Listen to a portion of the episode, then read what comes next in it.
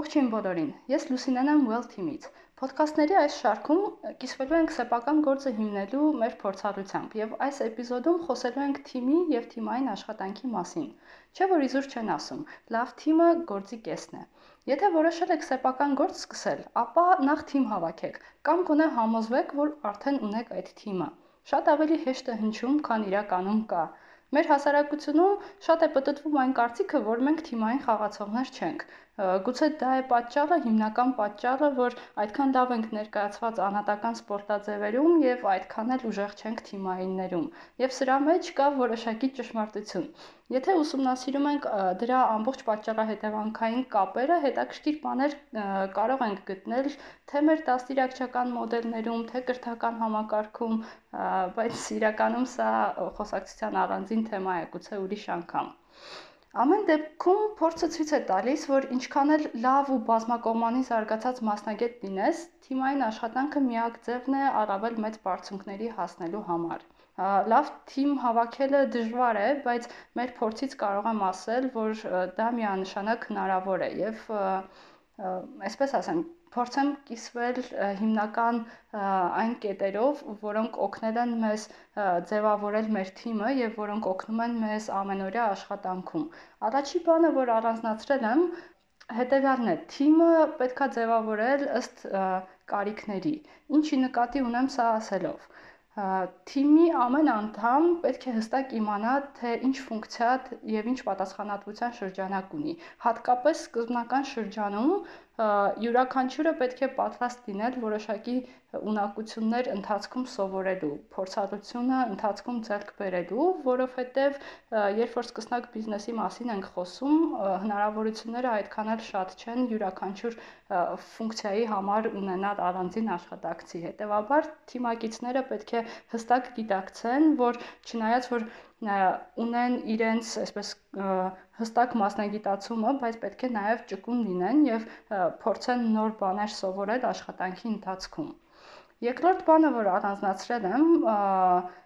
հետևյալն է. պետք է ստեղծել համատեղ արժեքներ, որոնք միավորում են ձեր թիմի անդամներին։ Ինչի նկատի ունեմ սա ասելով, կարևոր է, որ թիմի անդամները միասին կիսեն որոշակի բարոյական արժեքների համակարգ, դրանց շուրջ համախմբված լինեն։ Սա ասելով ի նկատի չունեմ նույն մասնագիտացումը ունենալը։ Մասնագիտացումները պետք է տարբեր լինեն, բայց մարդկանց ներքին հավատալիքները, ներքին բարոյական արժեքները պետք է նույնը լինեն։ Պետք է փորձել ունենալ մաքսիմալ տարբեր մասնագիտացումներով ու mindset-ով, այսպես անգլերեն ասած mindset-ով մարդկանց, որpիսի խնդիրներին կարողանաս տարբեր կողմերից նայել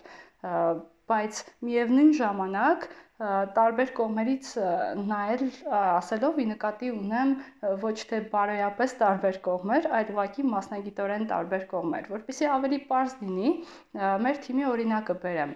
Well թիմում բոլորս շատ լավ ընկերներ ենք ու կիսում ենք նույն արժե համակարգը միանշանակ բայց շատ տարբեր աշխատանքային ոճեր ունենք ու շատ տարբեր են մեր մասնագիտացումները ու նման մոտեցումը շատ է օգնում հատկապես ստեղծագործական բնագավառում աշխատող թիմերին Երրորդ բանը, որ առանձնացրել եմ, հետևյալն է. երբեք ոչ ոքի մի խնդրեք, որ ձեզ համար անվճար աշխատեն։ Ինչու է սա կարևոր, որովհետև առաջին հերթին կարևոր է գնահատել մարդու գիտելիքները, ներուժը եւ ժամանակը գործունեություն առաջին իսկ օրվանից մի խնայեք աշխատավարձի վրա։ Կարող եք խնայել այլ բաների վրա, գուցե, չգիտեմ, ավելի համեստ տարածք վարձակալեք, որպես աշխատանքային միջավայր, բայց միշտ պետք է հիշել, որ այն մարդը, ով պատրաստ է իր գիտելիքը, ժամանակը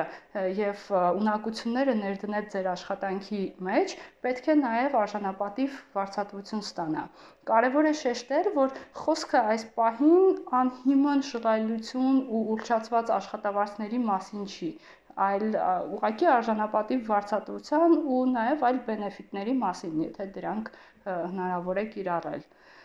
Well Team-ում մենք աշխատավարձ ունեցել ենք մեր գործունեության առաջին իսկ օրվանից, բայց միաժամանակ մենք ուղիղ ֆինանսական ներդրում չենք արել։ Բոլոր ներդրումները եղել են մեր գիտելիքի ու հմտության տեսքով։ Ժամանակ ու էներգիա իսկապես պետքա ծախսեք համերաշխ թիմ ձևավորելու վրա, որովհետև մենակ այդպես կարելի է ակնկալել լավ աշխատանք, արդյունավետ աշխատանք։ Իսկ արդյունքները այս պարագայում իրենց երկար սպասել չեն տալու։ Այսքանը առայժմ։ Thank you